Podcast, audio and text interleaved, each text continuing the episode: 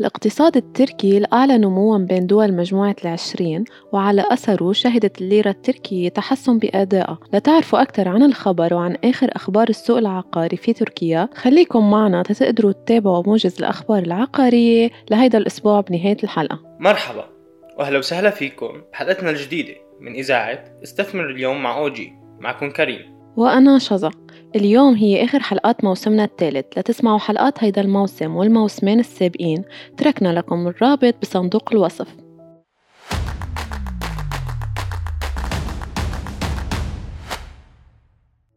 حلقة اليوم هي عبارة عن تكملة للحلقة الماضية.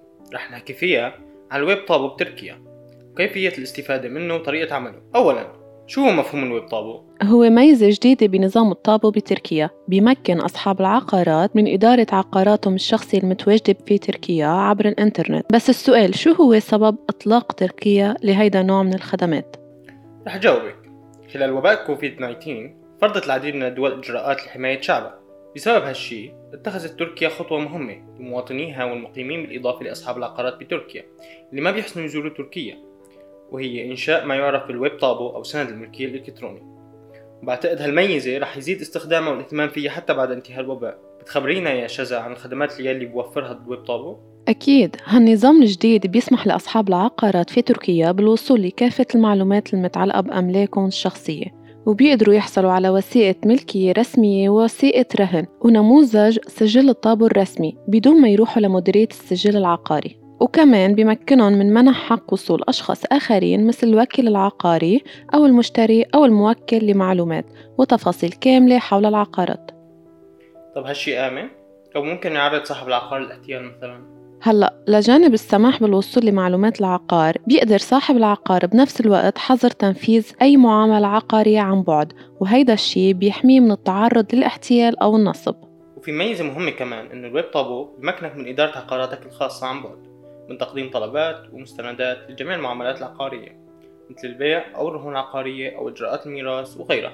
قبل ما نكمل حلقتنا خلينا مع حديث الأسبوع وهو عن الاقتصاد التركي.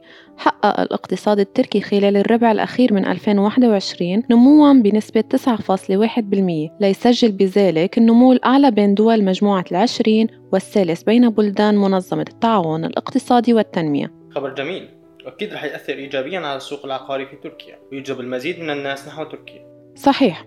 وهلأ بنجي لكيفية عمل هيدا النظام ال Web Tapu. أولا لحاملي الإقامة التركية سواء الإقامة العقارية أو غيرها منفوت على الرابط الرسمي لل Web Tapu. رح نضيفه بصندوق الوصف. بعدها بتضغط على كلمة للأجانب بعدها على سجل. تظهر عندك صفحة التسجيل. وبعدها بتقوم بإدخال جميع المعلومات المطلوبة من رقم الإقامة ورقم جواز السفر وغيره وبتعين كلمة المرور الخاصة فيك. ومن هون بتقدر توصل لطابو عقارك وتقوم بجميع المعاملات العقارية. ثانياً بالنسبة لحاملي الجنسية التركية. بعد دخولك على الموقع تضغط على كلمة شخصي. بتقوم بتسجيل الدخول فورا عن طريق بوابة الحكومة الإلكترونية ال e-Devlet بتقوم بإدخال رقم الهاتف والبريد الإلكتروني الخاص فيك. وبعدها بتقدر تبدأ باستخدام النظام. وبيتوفر ال Web Tapu بخمس لغات هن الإنجليزي والألماني والروسي والعربي والفرنسي. والآن مع موجز عن آخر أخبار السوق العقاري في تركيا. بحسب وكالة الأناضول سجل الاقتصاد التركي بالربع الأخير من 2021 النمو الأعلى بين مجموعة دول العشرين بنسبة 9.1% ومنذ الإعلان عن الخبر شهدت الليرة التركية تحسن طفيف في أدائها بحوالي 2% أمام الدولار الأمريكي توقعات بزيادة أسعار العقارات في تشانكالي بنسبة 50% بفضل افتتاح الجسر الأطول في العالم جسر تشانكالي بلغ معدل الزيادة السنوية في الإيجار في أكبر ثلاث مدن في تركيا إسطنبول وأنقرة وأزمير 97% 82% و62% على التوالي. وبحسب بيانات إملاك جيت أدى تضاعف أسعار المنازل خلال عام واحد في إسطنبول إلى زيادة الطلب على الأراضي فيها بنسبة 60% وأنقرة هي الأولى شهريا بارتفاع سعر المبيعات وإسطنبول الأولى بارتفاع سعر الإيجارات بنسبة 11% و7% على التوالي. وأخيرا إسطنبول حصلت على أعلى عدد في مبيعات المنازل من بين المدن التركية واللي بلغت 15 ألف عقار سكني. وهون بنكون وصلنا لنهاية حلقتنا لليوم. إلى اللقاء التاني القادم مع موسم جديد ومواضيع جديدة. لا تترددوا بالتواصل معنا على الرقم الموجود بصندوق الوصف لتعرفوا المزيد من التفاصيل عن الطابو إجراءات شراء العقار في تركيا وغيره من الأمور الهامة.